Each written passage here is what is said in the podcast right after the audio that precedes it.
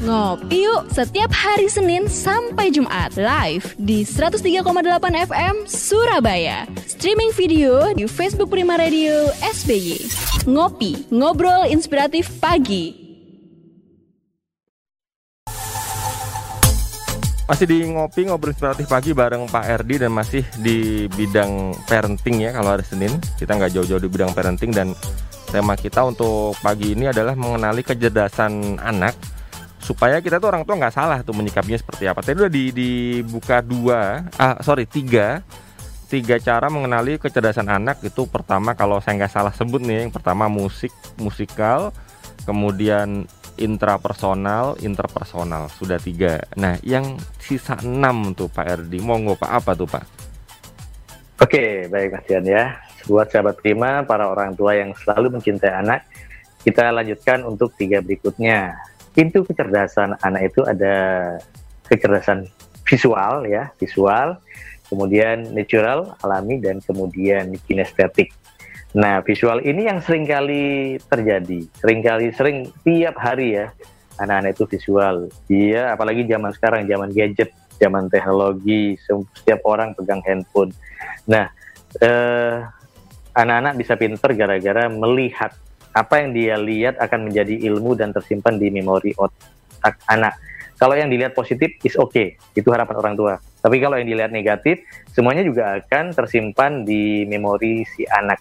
Jadi hati-hati buat anak-anaknya yang lebih suka nonton dan cepat hafal. Dan rata-rata anak yang suka nonton dan cepat belajar cepat hafal di situ, kalau diomongi biasanya biasanya lebih sulit karena eh, kecerdasan visualnya lebih kuat buat putra putri Anda yang kecerdasannya visualnya lebih kuat, mending diajari dengan cara visual.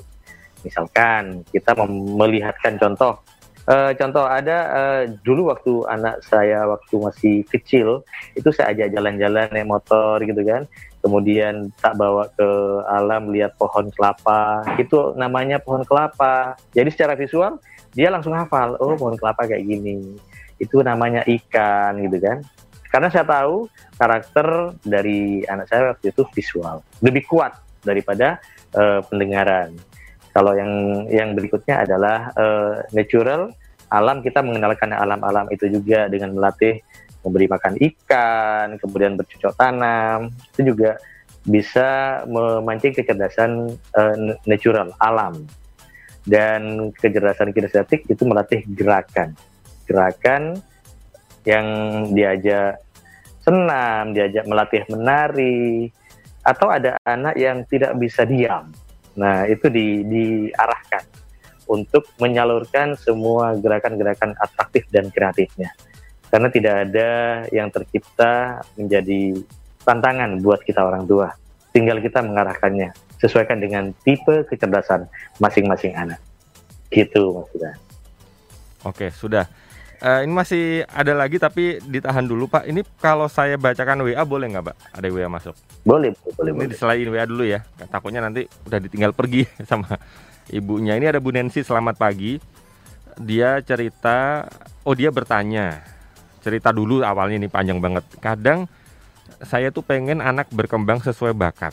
Tapi kami orang tua sering eh, kami orang tua suka terdistrek melihat prestasi anak tetangga atau anak teman kerja kami secara nggak sadar kadang memaksa dalam tanda kutip dia tulis memaksa anak punya prestasi yang sama seperti anak mereka, maksudnya anak tetangga atau anak teman kerja tadi. Di mana saya sadar yeah. bakat anak saya sama anak mereka nggak sama. Tapi susah memang mempraktekkan teori ini katanya Bu Nancy. Mohon arahan gimana mengerem rasa itu gimana gitu. Ini banyak terjadi ya. Saya juga gitu kok kadang Bu Nancy. Monggo Pak Erdi. Oke, itu kejadian yang umum memang dialami hampir semua orang tua. Jadi pada prinsipnya sebenarnya saya tarik garis-garis prinsip ya sebenarnya setiap manusia tercipta istimewa. Sekali lagi istimewa. Setiap orang tercipta istimewa, termasuk anak unik dan istimewa itu dimiliki masing-masing orang. Jadi buat para orang tua sekali lagi jangan pernah membandingkan anak sendiri sama anak tetangga Jangankan dengan tetangga, kakak, adik aja jangan dibanding-bandingin. Beda bakat, beda passion, beda beda lah. Anak kembar saja tidak boleh dibanding-bandingin. Karena prestasiku belum tentu prestasimu, prestasi si A belum tentu prestasi si B. Setiap orang punya kelebihan. sadari itu buat para orang tua pada saat Anda melakukan pembanding terhadap orang lain, di situ dia akan berdampak. Mulai dampak, rasa percaya dirinya mulai terganggu, mulai tidak pede. Kalau orangnya suka tantangan, mungkin akan ngelawan itu untuk lebih kuat. Tapi bagi tipe anak yang sedikit dihardik langsung down, kasihan dia. Jadi hati-hati, sekali lagi jangan membandingkan. Apalagi ibu sebenarnya sudah tahu ya, kalau membandingkan itu sebenarnya uh, kurang tepat ya tapi itu tadi, mending digali kelebihannya, fokuskan, dipacu kelebihannya. Jangan dibanding-bandingin kepada siapa pun. Karena setiap orang istimewa sesuai bakatnya masing-masing. Jika perlu kenali putra-putri Anda bakatnya di mana, itu yang dipacu dan dilatih. Contoh, banyak orang tua yang ti, yang gemes ya lihat anaknya nggak bisa matematika mungkin ya. Ternyata kalau digali lagi putra-putrinya suka bahasa Inggris misalkan tapi uh, orang tuanya getol gimana cara me me meleskan privat matematika padahal secara perasaan anaknya itu nggak nggak senang nggak suka mending uh, solusinya adalah cari bakatnya passionnya kemudian dia diprivatkan di disukaannya kalau suka bahasa Inggris bahasa Inggris. Suka musik musiknya yang dilatih. Pada saat dia sudah happy dengan passionnya maka uh, pelajaran lain bisa ngikuti dengan mudah. Daripada memaksa yang tidak disukai dilatih dipaksa-paksa juga akhirnya jadi top. Jadi sekali lagi jangan banding-bandingin putra putri kita kakak adik jangan apalagi dengan tetangga anak tetangga kenali aja fokus kenali bakat passionnya dan itu yang harus dikenali dan ikuti uh, passionnya anak bukan keinginan orang tua yang diikuti tapi kenali passionnya anak kemudian uh, dilatih dan disupport itu. Oke. Ini kalau Buden sini sebenarnya juga sudah tahu teorinya, tapi ketika dia melihat kanan kiri emosi terpancing. Gimana cara ngeremnya? Ya itu cara ngeremnya. Ingetin lagi jangan bandingin anak lah intinya gitu ya pak. Nah rata-rata rata-rata mas rata-rata hmm. itu uh, klien kami uh, banyak orang tua yang yang mau menterapi ke kami ter tapi ternyata ujung-ujungnya orang tuanya yang di kami terapi. Oh gitu. Ujungnya ke sana. Itu yang jadi lucu. Hmm. karena anak itu sebenarnya uh, objek terakhir hanya dampak. Dampak dari orang tua karena orang tua yang tidak bisa menahan emosi orang tua yang yang memang pikirannya bagus cuma karena penyampaiannya uh, diktator dan lain-lain sehingga tidak nyambung komunikasi untuk menyampaikan pesan keinginan orang tua terhadap anak tidak bisa mudah diterima dengan baik di sinilah dibutuhkan ilmu komunikasi orang tua bukan cuma orang tua karena masalah komunikasi sangat rentan sekali terjadi antara orang tua dengan anak, guru dengan siswa, eh, orang tua dengan orang tua, pasangan-pasangan itu rentan sekali. Dan ini akan menjadi pemicu masalah. Jadi tetap kuasai komunikasi yang paling tepat. Jika itu temanya buat anak, kuasai objeknya, anaknya. Gimana sih ngobrol dengan anak usia 10 tahun? Gimana sih ngobrol dengan anak usia SMA? Gimana sih ngobrol dengan anak usia masih TK? itu seninya yang berbeda-beda. Itu yang harus dikenali orang tua. Oke, yang gitu. perlu diingat lagi nih Bapak Ibu ya mungkin yang orang tua ini Anda sekali lagi itu mengelola anak ya, mengelola keluarga ya, bukan mengelola bisnis sama kantor ya. Jadi beda. Iya betul. Oke, Pak ini uh, sisa tiga ya tadi belum ya, betul ya? Iya. Ini boleh dibacakan sekarang. Ini karena waktunya udah mepet. Nanti uh, sesi ketiga kita tinggal tarik kesimpulannya aja. Oh baik mas. Okay, uh, eh, jadi yang ketiga terakhir adalah ada kecerdasan moral. Kecerdasan moral itu memang identik dengan uh, adat, budaya, agama dan lain-lain. Kecerdasan moral. Kemudian yang kedelapan ada kecerdasan uh, verbal linguistik, di mana uh, melatih anak untuk mengajak bercerita, sharing, kemudian ngobrol. Itu. Yang kesembilan adalah uh, kecerdasan logika matematika. Kecerdasan logika matematika itu bukan berarti harus suka matematika, enggak. Tapi eh, anak diajak untuk mulai bisa mengukur, mengukur eh, kemampuan diri, mulai berhitung mana yang baik, mana eh, mengukur porsi lah. Porsi dia sesuai usianya. Kemampuan belajarnya berpikir logis, dia bisa mengukur, mengukur mengukur dirinya sendiri. Itu ke jadi kecerdasan kecerdasan moral ya kecerdasan verbal linguistik dan kecerdasan logika matematika. Itu. Oke. Udah sembilan disebutin sama Pak Erdi lengkap caranya kita mengenali. Cuman kalau tadi saya sempat terucap beberapa kali Pak Erdi bilang kuncinya sebenarnya bukan banyaknya teori itu bukan tapi lebih ke ngobrol komunikasi ke sama anak gitu ya Pak Erdi kayaknya tadi ya. Iya, iya. Jadi memang kayak, kayak kayak di komunikasi. kan ngobrol sama anak itu kan kadang maaf saya potong maaf saya potong kadang ngobrol sama anak itu kadang kan kita kan ya maaf ya susah ya ini dikasih tahu nggak nggak sampai nggak sama nah itu itu gimana tuh pak ini saya bayangkan saya sendiri nih monggo silakan pak jadi saya belajar juga dari dari senior penggemar anak-anak ya. Dulu idola saya, hmm. dulu idola saya. Mungkin jenengan kenal Kak Seto Mulyadi. Ah, ya yang kemarin baru ulang tahun ke-70 ya.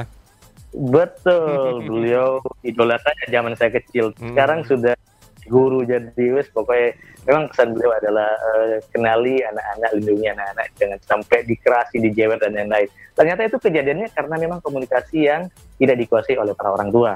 Contoh, saya kalau ketemu main ke teman, itu yang keluar bukan teman saya, tapi anak-anak yang keluar.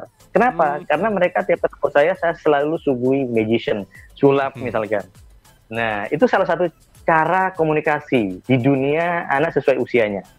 Pada saat saya ngeluarin sulap, anak-anak yang kecil-kecil itu akhirnya mendekat. Begitu dekat, bersahabat dengan saya. Di situ saya mulai. Pada saat posisi sudah sahabat, dia bahagia, dia tenang, dia nyaman, menyampaikan pesan-pesan baik dan mudah diterima oleh mereka. Ini contoh yang paling simpel. Sesuai usia. Hmm. Kalau usianya SMP, ya kenali dulu. SMP seperti apa sih sukanya? SMA seperti apa? Makanya mengenali anak itu benar-benar menjadi kunci komunikasi yang paling baik. Gitu. Intinya nih orang tua harus merelakan waktu buat belajar lagi ya, karena kesukaan anak SMP zaman kita dulu kesukaan anak SMP zaman sekarang beda. Kesukaan anak TK zaman kita dulu sama anak sekarang beda ya. Kita harus belajar buka-buka apa mungkin ini yang seru adalah kadang-kadang kalau anak SMP kan suka Korea. Kadang-kadang kemudian anak kecil itu suka game yang padahal kita nggak tahu ini game apa namanya. Kita harus belajar mungkin ya Pak Erdi ya. Mau nggak mau kita harus cari tahu apa yang disukain dulu ya. Karena kan kita nggak bisa sulap ya. Iya. Kalau Pak Erdi bisa sulap, udah ada udah ada kunci kita nggak bisa sulap gimana caranya ya itu harus tahu dulu yang disukai anak zaman sekarang apa mungkin gitu ya pak betul ya pak ya Ya, jadi kenali ya. kesukaan anak itu. Anak itu akan mencari uh, posisi yang paling aman, paling nyaman buat dia jadikan orang yang paling dia percaya. Kalau anak itu nyaman dengan mamanya, maka mamanya menjadi kunci untuk menyampaikan pesan baiknya buat putra putrinya. Kalau dia tidak percaya sama mamanya, maka dia akan mengalih ke papanya papanya akan dijadikan uh, acuan panduan buat buat dia. Tapi pada saat mamanya yang paling bahaya adalah pada saat mamanya tidak dipercaya, papanya tidak dipercaya, maka dia akan mengambil mencari pengalian lain, mencari orang yang dipercaya. Kalau yang dipercaya yangnya mungkin omnya, saudaranya, is okay, masih keluarga. Tapi pada saat semua orang tidak dipercaya, dia akan mencari teman-temannya. Kalau teman-temannya baik, mungkin masih aman. Dikhawatirkan teman-temannya itu nggak baik. Sehingga tetaplah jadi orang yang dipercaya buat si anak. Baik itu mama, papa, rebut di ring satu itu orang tua rebut. Jangan sampai kehilangan kepercayaan dari si anak. Dengan cara apa? Dengan cara masuki kesenangan anak, amankan dia, nyamankan dia ke dunianya sesuai usia, sesuai usia. Bukan mengikuti keinginan orang tua. Ini lo baik baik. Oh, orang tua memang baik, tapi sesuai usia yang diajak ngomong usia berapa. Okay. Itu yang harus dipahami orang tua. Oke. Okay. Pak Erdi mungkin boleh di-share Pak ada media sosial atau nomor WA khusus yang uh, boleh nih berterima bertanya tentang parenting dan anak dan hubungan dengan orang tua silakan. Iya, baik Mas Dian. Uh, kalau nomor saya ya bisa kalau di nomor 081234 92354. Mohon diulang sekali lagi nih Pak. Sekali lagi ya. 081234 92354. Oke. Nomornya pendek, nomor lama ini ya. Harus harus Iya, nomor lama. Ada media Pertama sosial mungkin, Pak. media sosial, uh, media sosial itu uh, kalau di Facebook RD Maxi, kalau Instagram juga Master RD Max M A X T underscore ID. Baik, siap. Oke Pak ini terakhir nih terakhir uh, kesimpulan nih Pak. Tadi kita udah banyak cara ya, sembilan cara. Itu sebenarnya Pak kalau kita tarik kesimpulan, gimana sih cara kita buat mengenali pintu kecerdasan anak yang uh, kita tahu banyak teori bilang setiap anak punya keunikan bakat masing-masing, tapi banyak juga orang tua yang bilang saya belum tahu bakat anak saya sebenarnya apa. Nah, gimana kata kita bisa mengenali uh, pintu kecerdasan anak? Kesimpulan dalam waktu satu menit kalau bisa ya Pak ya, jangan panjang-panjang. Monggo silakan. Baik. Oke, terima kasih. Jadi pertama adalah lihat usia anak uh, usia berapa dulu.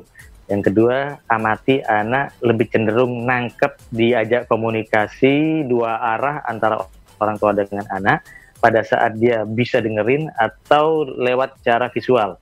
Kalau yang cara visual itu uh, setiap uh, ditampilin hal-hal yang bisa dilihat, dia mudah menghafal. Tapi kalau dia mendengar mendengar juga uh, apa mendengar bisa mudah menghafal berarti dia pintu kecerdasannya ada di telinga.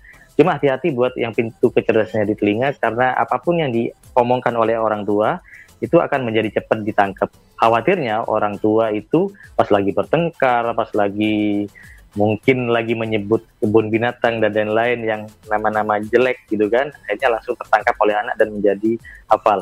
Jadi mending setiap harinya uh, kalau boleh kami sarankan sajikan uh, anak komunikasi yang baik biasakan dengan kata-kata yang positif. Karena yang didengar dari telinga uh, orang tua itu akan langsung nancep ke telinga anak dan masuk ke pikiran alam bawah sadarnya. Sajikan juga tontonan yang baik. Seperti uh, pada saat kita itu masa kecil kita sering kali sebelum tidur dongeng di masa saya itu dongeng kemudian tidur dengan membawa dongeng yang baik Hari ini zaman teknologi, setiap kamar selalu ada TV. Pastikan TV mending dimatikan sehingga tidurnya berakhir dengan memori yang yang baik. Kalau nonton film horor berarti yang dibawa terakhir adalah film horor atau film ngeri dan lain-lain.